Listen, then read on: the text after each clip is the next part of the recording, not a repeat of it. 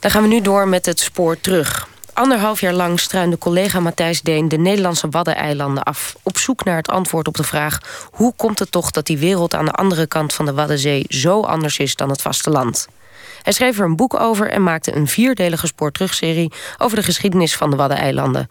Van het einde van de ijstijd tot de uitvinding van de badgast.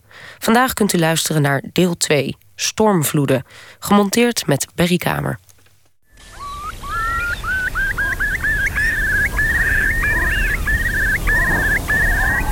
In de 8e eeuw is het Wad nog voor grote delen overgroeid met veen en kweldergras.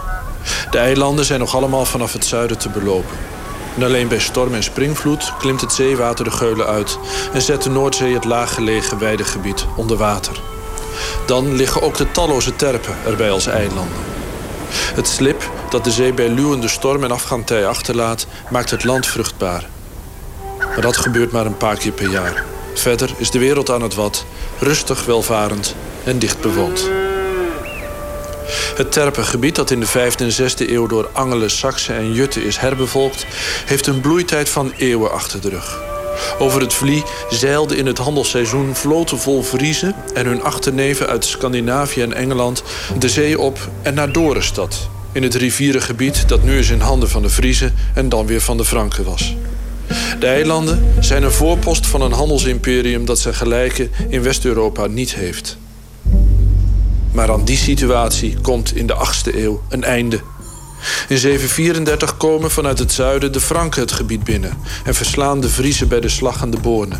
En driekwart eeuw later, op een lenteochtend in het jaar 810, verschijnt een grote vloot vol boze vikingen op de noordelijke horizon. Ja, het jaar 810. Dan komt de eerste vikingaanval op het continent. En dat gebeurt volgens de geschreven bronnen, dat zijn Frankische bronnen, met wel 200 schepen. Die eerst alle eilanden voor de Friese kust uh, verwoesten en dan aan, uh, aan land, uh, de mensen aan land gaan. En daar een aantal strijden voeren met de Friese en ze uiteindelijk verslaan. En dan een hele hoop zilver mee, mee terugnemen. En daarmee begint eigenlijk de vikingtijd op het continent. Het was de eerste vikingaanval op het West-Europese vasteland door verontwaardigde Denen die wraak kwamen nemen voor Frankische rooftochten op hun grondgebied. Medieviste Nelke IJsenacher doet in Groningen promotieonderzoek naar de dubbelzinnige verhouding tussen de Deense vikingen en hun verre verwanten en handelspartners, de Friezen. Ik kan me zo voorstellen, dat het is natuurlijk ook beelden die je altijd in films uh, ziet. Dat je zo uit de mist van die schepen ziet, uh, ziet opdoemen met grote, grote zeilen en een uh, drakenkop aan de voorkant.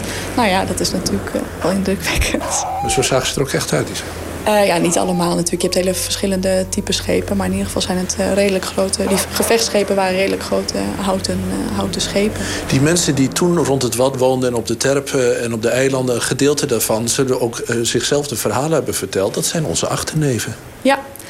Kijk, mensen die natuurlijk het slachtoffer worden van zo'n vikingaanval... Die, die zullen daar niet blij mee zijn geweest. En die zijn natuurlijk echt slachtoffer. Maar er zullen ook misschien een aantal uh, mensen zijn die een kans zagen in die vikingaanvallen. En die misschien dachten, nou daar gaan we bijvoorbeeld aan mee. Want dat zijn de mensen die we kennen. Of nou ja, daar kun je van alles uh, bij voorstellen. De Friezen, die een paar honderd jaar van expansie en voorspoed hadden gekend... zaten nu klem tussen de Franken in het zuiden en het oosten... en de vikingen in het noorden. Karel de Grote beschouwde de kuststrook als een bufferzone die aan al te bedreigende vikingleiders in leen kon worden gegeven, als ruilmiddel voor vrome beloften en kerkgang. De Friese zelf beloofde hij vrijheid. Maar het is maar helemaal de vraag wat dat betekende, als ze wel bemoeienis van warlords uit het noorden moesten dulden. Het is heel erg jammer dat we eigenlijk geen geschreven bronnen hebben die iets vertellen van hoe die Friesen dat nou ervaren. Dat er ineens, uh, met name vanuit het Frankisch Rijk, dan ineens Scandinaviërs worden neergezet. Je leest wel in de Frankische bronnen uh, bijvoorbeeld een van de christelijke die dan uh, zegt van het is toch een schande dat deze mensen die eerst de christenen allemaal doodmaken en het gebied plunderen, vervolgens heer worden over dit gebied. Dat moet toch niet kunnen? Dat soort dingen uh, hoor je wel. Maar ehm, het zijn steeds hele dubbelzinnige verhalen en dubbelzinnige figuren. Er zijn, zeg maar, sommigen worden gekerstend en houden zich eraan. Sommigen worden gekerstend en hebben daarna zoiets van nou, dat was alleen maar een formaliteit en ik ga gewoon verder met waar ik altijd mee bezig was. Er zijn er een aantal die worden helemaal niet gekerstend. Dat is natuurlijk ook interessant. Blijkbaar hebben die zo'n sterke positie dat, uh, dat ze niet, uh, dat niet hoeven te doen. Dat dat geen onderdeel is van hun deal. Dus ik denk dat het heel erg aan ligt uh, welke leenheer er was en hoe, hoe daarmee om werd gegaan. Zo heeft een eeuw lang een gezelschap vikingen plunderaar of leenheer gespeeld op de eilanden. Van Dorenstad-veroveraar Rorik, die het gebied tussen Zwin en Vlie een tijd vrijwaarde van vikingaanvallen. En nu en dan vrome werken deed door bijvoorbeeld een ondergestoven kerkje weer onder het duinzand vandaan te graven. Tot zijn neefje, de schrik van de christenwereld Rodulf, die zijn gebied tussen Vlie en Eems regelmatig plunderde en in 873 door Friese in Oostergo werd doodgeslagen. Zoals de kroniekschrijvers van het klooster in Egmond eeuwen later nog met tevredenheid memoreerden. En daar kwam ook Rorik, gal van de christenheid, te Aken. En hij is toch onderdaan van de koning geworden en met eden gebonden om hem onwrikbare trouw te bewaren. En niet veel later is Rodolf, neef van deze tiran, die bijna heel Friesland heeft verwoest, in dezelfde streek in Oostergo door juist dat volk met 500 man op doortastende wijze gedood. En hoewel hij gedoopt was, heeft hij zijn hondenleven verdiend met de dood beëindigd. De echo van de plundertochten van de vikingen blijft nog eeuwen doorklinken. Zelfs als Friese en Hollandse graven de vakante plekken van de vertrokken vikingleenheren al meer dan 100 jaar hebben ingenomen en de Hollanders en Friese vooral bezig zijn het lage moeras en veenland te ontwateren en in cultuur te brengen, dan nog vertellen ze elkaar de verhalen van de dreiging van zee, de vijand op de kust, vooral als het stormt. En het stormde nogal eens in de 11e en 12e eeuw. Het millennium was relatief warm begonnen. En als het stormde, kon de zee gevaarlijk hoog opspelen. De kroniekschrijvers van het klooster van Egmond zaten bij klapperende ramen en flakkerend kaarslicht te schrijven aan de geschiedenis van de christenheid. De opdringerige zee riep bij de monniken diep ingesleten angsten wakker voor plunderende heidenen van zee en natuurlijk de wraakzucht van de Allerhoogste zelf. En de Heer trof zijn volk gedurig met plagen en bezocht met de roede hun onbillijkheden en met zweepslagen hun zonden. In 1170 stak een heel harde wind op, zozeer dat de zee binnenvloeide tot de muren van Utrecht. En de echte zeevis, die ze Bolk noemde, gevangen is bij de muren van die stad. Ook in Kennemerland woedde onverwachts die overstroming. Zozeer dat het vee verdronk en mannen en vrouwen op de balken van hun huizen hun leven en dat van hun kleine kinderen moesten zien te redden.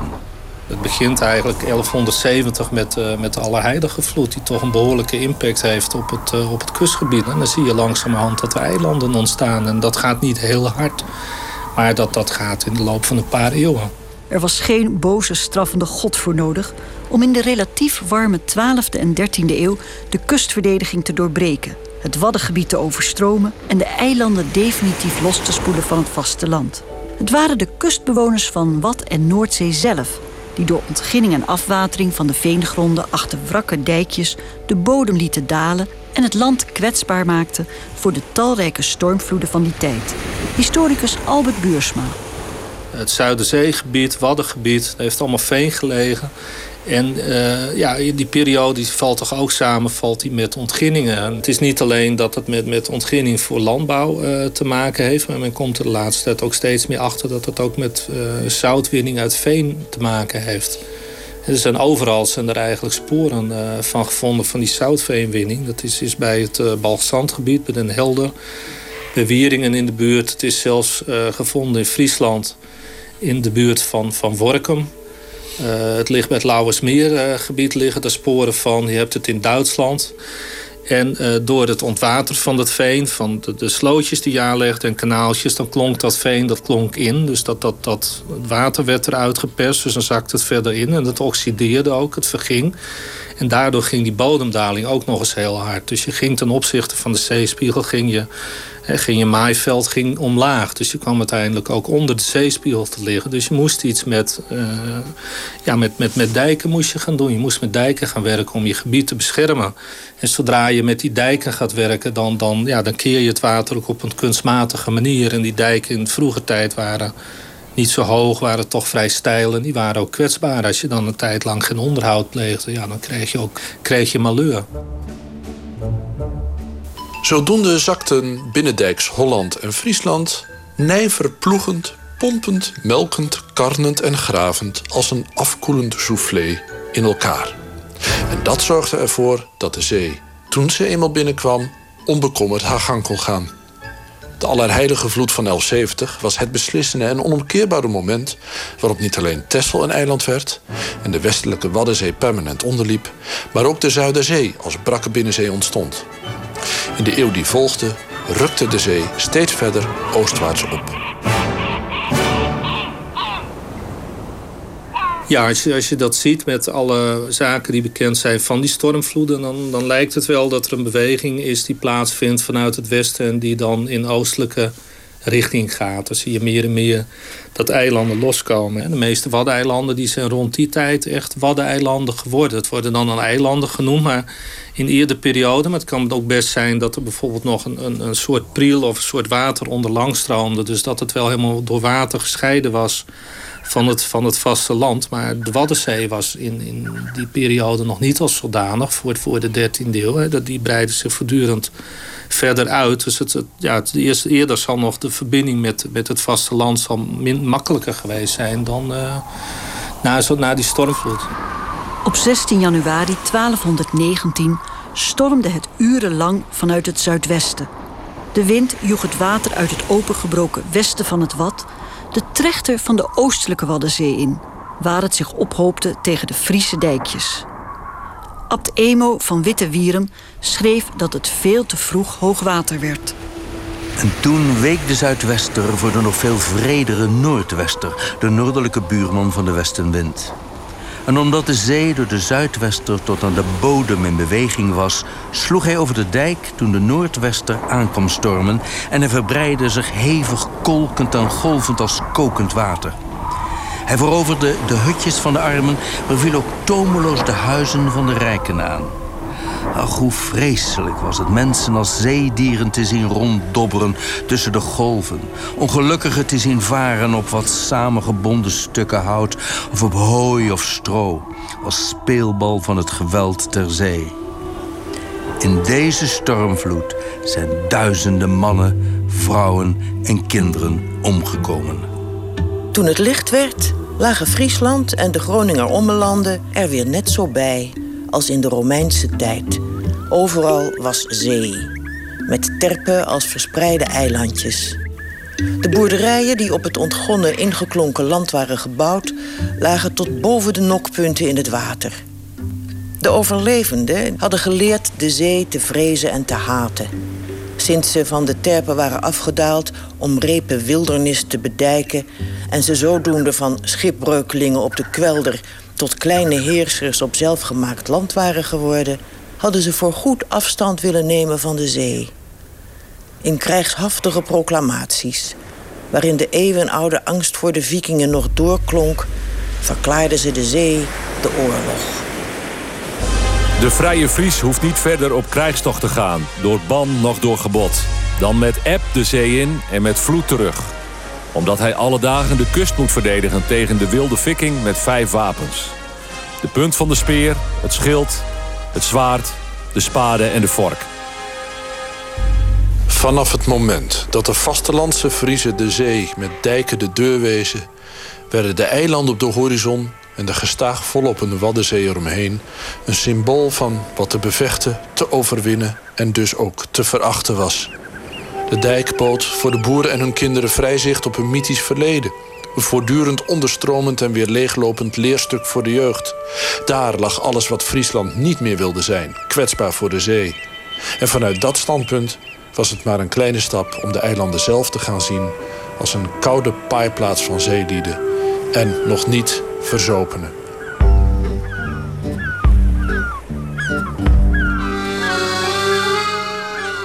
Je krijgt denk ik uh, je krijgt toch verschil. Want uh, mensen die op het eiland wonen, die zitten op een soort van uh, natuurlijk schip in zee. En, en de mensen aan het vasteland, die gaan zich toch meer en meer verschansen achter die dijken. En daar zie je ook steeds meer, denk ik, dat het contact tussen uh, het vasteland en de eilanden, dat het ook verandert. Want een eiland, dat is niet meer iets waar je zo vanaf het vasteland naartoe loopt. Maar je hebt een kunstmatige scheiding heb je tussen land en water. En dat is de dijk. En het eiland ligt erbuiten. Dus Maar wat bedoel je met die verandering?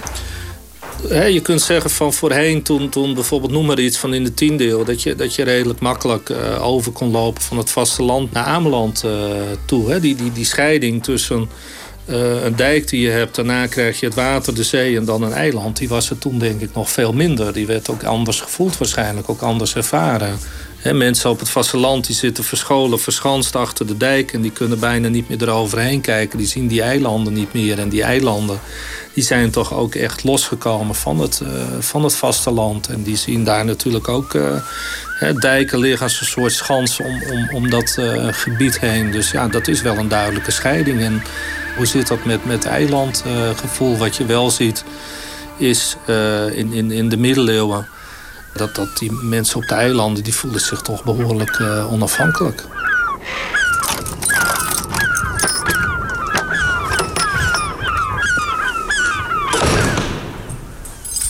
Nou, dit is dus de In de 13e eeuw waren de eilanden buitenposten geworden, ver weg van vastelands gezag. Het eerste en laatste wat zeevaarders links en rechts van hun schepen zagen... stevig in de greep van prominente eilanderfamilies. Terschelling, het eiland van amateurhistoricus Teunis Schol was misschien de eigenzinnigste van alle eilanden. Zijn ze nog, hè? Zijn altijd eilandwijzers op de Schelling wel bekend. En waren Friese kloosters er op andere eilanden in geslaagd... om grond in bezit te krijgen, op Terschelling kregen ze nauwelijks voet aan de grond. wij hebben hier al die, die popma's, die zitten hier, wij over geen kerk. Dus de familie Popma was er de baas. Alleen het 13e-eeuwse kerkje van Hoorn stond onder gezag van het klooster in Lidlum. Een omstandigheid die school alleen maar kan verklaren...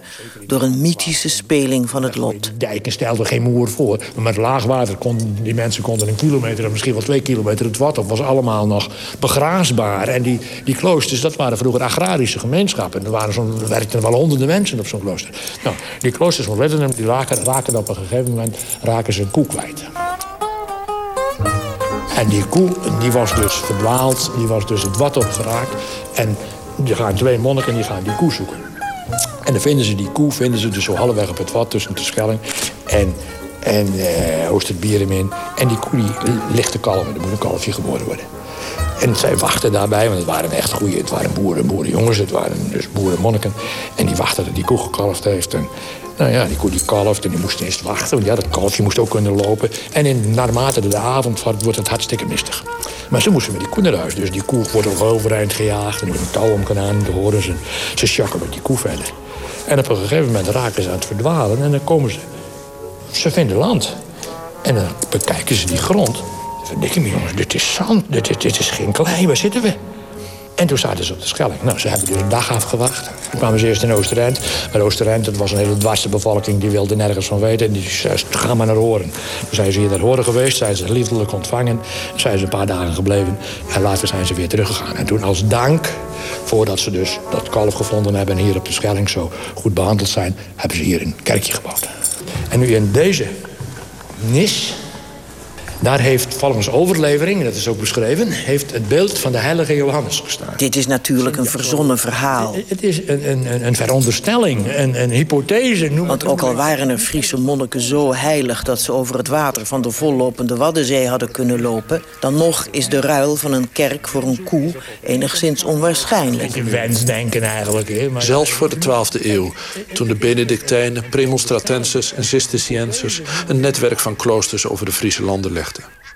De mannen die de abdijen stichtten waren zonen van de Terpen zelf. Zoals Frederik van Halm en Emo van Wittewierum... die kinderen van eilanders en vastelanders een tonsuurtje lieten scheren... een geitenharen pij om de schouders sloegen... en in de schoolbanken van kloosterschooltjes temden tot novice... waar ze Latijnse lessen opdreunden... met de tongval en melodie van de Terpen. Je moet je realiseren dat de uh, Friese kloosters Um, die zijn eigenlijk pas ontstaan in de 11e, 12e eeuw, 12e eeuw pas. En, uh, die kloosters die maken allemaal deel uit van de orden die op dat moment heel erg in de mode waren. En dan moet je dus uh, bekendste zijn inderdaad de Cisterciënserorde van Citeaux. Uh, de Premonstratensers, dat waren dan kanunniken, maar nou, fijn, een allemaal ander type orde. de Augustijner koorheren waren ook belangrijk. En de Benedictijnen, maar dan Benedictijnen nieuwe stijl. Hans Mol, medievist aan de Frieske Academie en de Universiteit van Leiden. Nou, die kwamen allemaal tot ontwikkeling in het huidige uh, Friese landen, want je moet dan de omlanden in Groningen natuurlijk mee rekenen. En die uh, werden bevolkt door Friese zelf. En die, die, nieuwe Friese kloosterlingen, ja, die proberen, zoals hun leven dat voorschreef, als het ware ook een rol te spelen in het pacificeren van die maatschappij. Want we moeten ons wel voorstellen, het is een maatschappij met veel zelfhulp, eh, om het zo maar te zeggen, waarin ieder zijn eigen recht op eigen bezit moest verdedigen. Uh, dus er bestond nog geen monopolie op uh, wapenbezit en uh, geweld. Dus de Fries moest zijn eigen erf en zijn eigen grond verdedigen. Overigens was het in heel Europa zo, maar ook in Friesland was er wapengeweld niet van de lucht. De eerste abten van de 12e eeuw leidden een voorbeeldig leven waarin ze met God als bondgenoot de mannen van de terpen disciplineerden, moordenaars bekeerden en rijke boeren in bange stervensuren grond afhandig maakten. De meeste ingetreden mannen werkten als lekenbroeder op de uithoven of matroos op de kloosterkochen die over de Noordzee voeren. Het waren boeren en matrozen in pij. Dat de kloosters ook bezittingen op de eilanden zochten, kwam niet voort uit vroomheid en ook niet uit verlangen naar afzondering. Opmerkelijk is, dat uh, die Friese kloosters op die terpgebieden die hier en daar ontstaan, dat die uh, uh, allemaal, de een en de ander, goederen verwerven op die eilanden. Met andere woorden, een klooster moet je natuurlijk van goederen voorzien. want in feite is een klooster een gebedsfabriek. En wat zij doen op de eilanden is uh, uithoven stichten. En kan je even uitleggen wat een uithof is? Wat is dat? Een uithof is een grote agrarische exploitatie van buitengewoon grote omvang, althans voor die verhouding van toen. Die kloosters hadden dan uh, werkmonniken uh, aan de slag. Waar kwamen die vandaan? Waren het gewoon uh, jongens dat, van het eiland? Dat kunnen jongens van het eiland geweest zijn, maar meestal denk ik dat ze ook uit de buurt van het klooster zelf kwamen. Dus het kunnen ook Friese uh, kloosterlingen zijn geweest. Die Friese kloosters van dat moment die hadden dus een deel van hun bevolking bestond uit koormonniken. Die stonden als het ware dus in de kerk te zingen. Die konden eigenlijk niet anders dan dat. En tegelijkertijd hadden ze uh, voor de, het levensonderhoud een heleboel van die werkmonniken. Die heten conversen of lekenbroeders. Maar die hoorden wel bij uh, zeg maar de conventsbevolking. Dus die hadden zelfs ook aandelen in het zielenheil. Wat die kloosters voor zichzelf en voor de omgeving zeg maar bewerkstelligden. En dat waren relatief veel. Want we weten dan met name van van eh, die vroege tijd. Dus dat de verhouding van de korenmonniken tot uh, die werkmonniken was ongeveer 1 op 3. Dus als een, eh, een, een, klooster zeg maar 30 tot 40 uh, mensen in het koor had staan... dan hadden ze daarnaast wel 100 tot 120 man werkzaam op het landerijen. En dan hadden ze dus die uithoven voor. Dus elke klooster had wel een stuk of, ja, variërend, 7 tot 12... afhankelijk van de grootte van het klooster, van die uithoven. Van bijna alle eilanden zijn uithoven bekend. De Cisterciënsers Gieren monniken van Klaarkamp op Schiermonnikoog... de Benedictijnen van Fosfert op Ameland...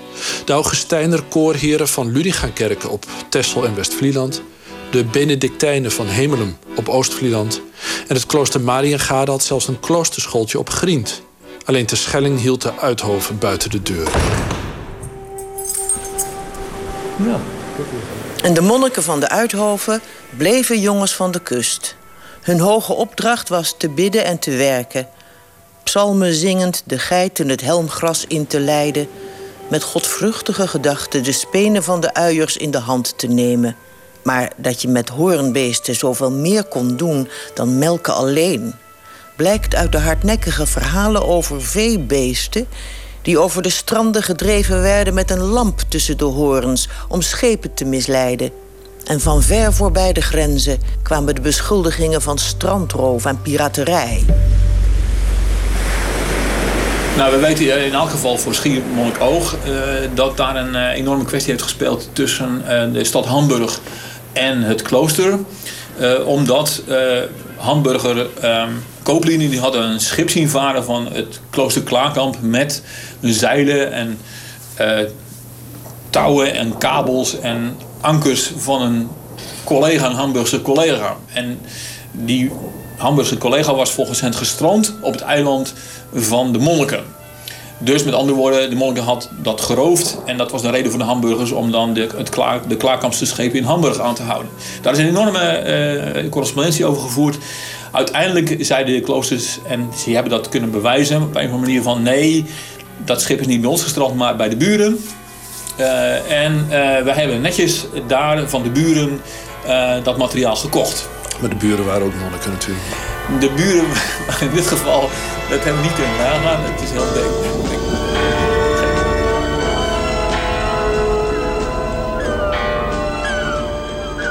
Dit gebeurde in 1323.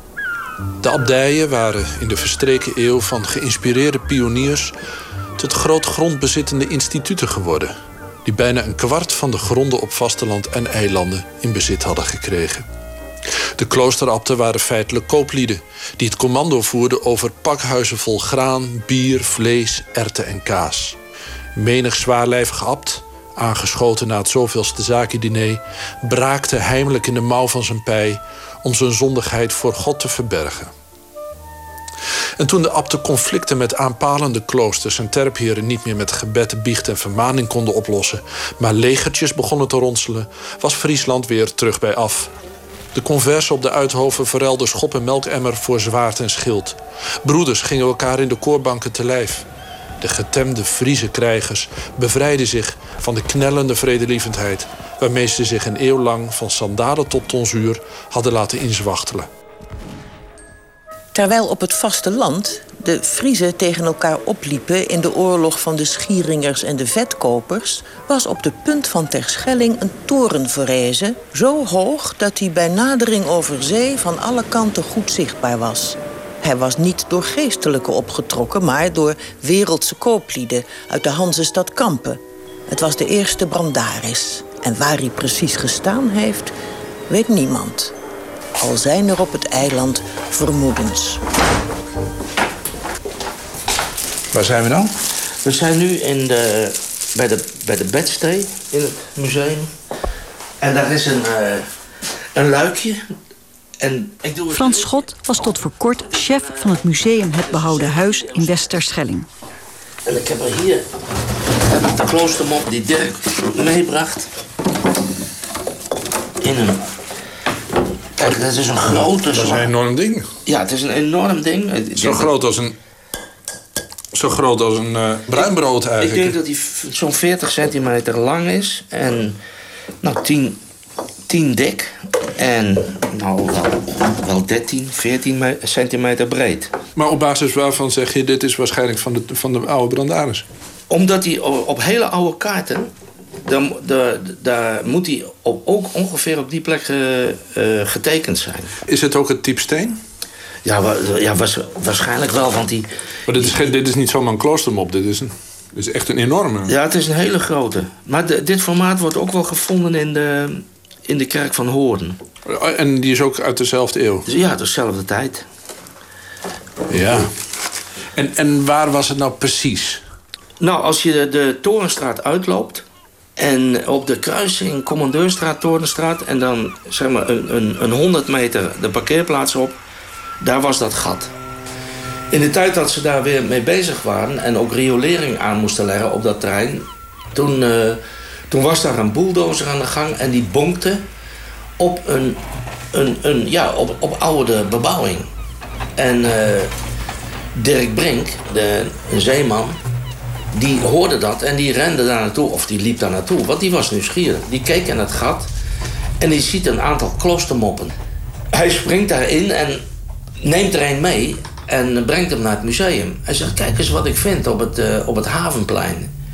Ik zeg, joh, dat is een kloostermop van die eerste brandaris. Dat kan niet anders. Of van die kerk. Maar ben je, ben je toen met Dirk Brink daar naartoe gelopen? Ja, maar toen was hij alweer dichtgeschoven, jammer genoeg. Het is nou, ja, nou, ik denk dat ze bang waren dat, dat uh, ja, om, om, uh, om cultuurhistorische redenen, dat, uh, dat, dat ze moesten stoppen met, met het werk. Kijk, dat is natuurlijk voor zo'n aannemer nooit gunstig. Maar we hebben de plek wel onthouden. Dus mocht er ooit nog een, een archeologische werkgroep hier willen graven, dan is dat mogelijk. We, de, we weten de plek aan te wijzen. Ik, ik denk dat de kampenaden dat erg leuk vinden om, uh, om de plek te zien waar zij. Uh, want deze, deze steen is betaald uh, door, de, door de kampenaden. Dus de kampenaden die hebben dat toen betaald, die kunnen nou weer op, op de brug komen op daar gaan. Ja, ja, ja, die zouden best dat even kunnen financieren. Door een hoogstenen zeebaken op de Schelling te bouwen, maakten de kooplieden van de Hanze duidelijk dat wereldse stedelingen de kerk uiteindelijk het roer uit handen zouden nemen. De Terschellingers, die de nieuwe toren beklommen, konden niet alleen voor het eerst hun eigen eiland vanuit de hoogte overzien, maar als ze naar het zeegat keken, zagen ze met de koggen van de Hanze een nieuwe tijd naderen. Waarin na een bewogen periode van vervolging, piraterij en vrijheidsoorlog de zeegaten van het Wad zich zouden ontwikkelen tot de havenmonden van de Hollandse Gouden Eeuw.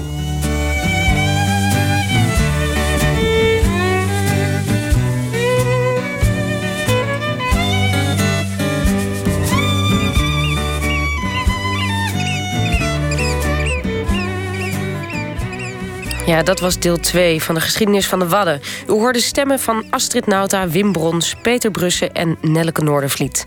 Het verhaal is gebaseerd op het boek De Wadden, een geschiedenis van Matthijs Deen.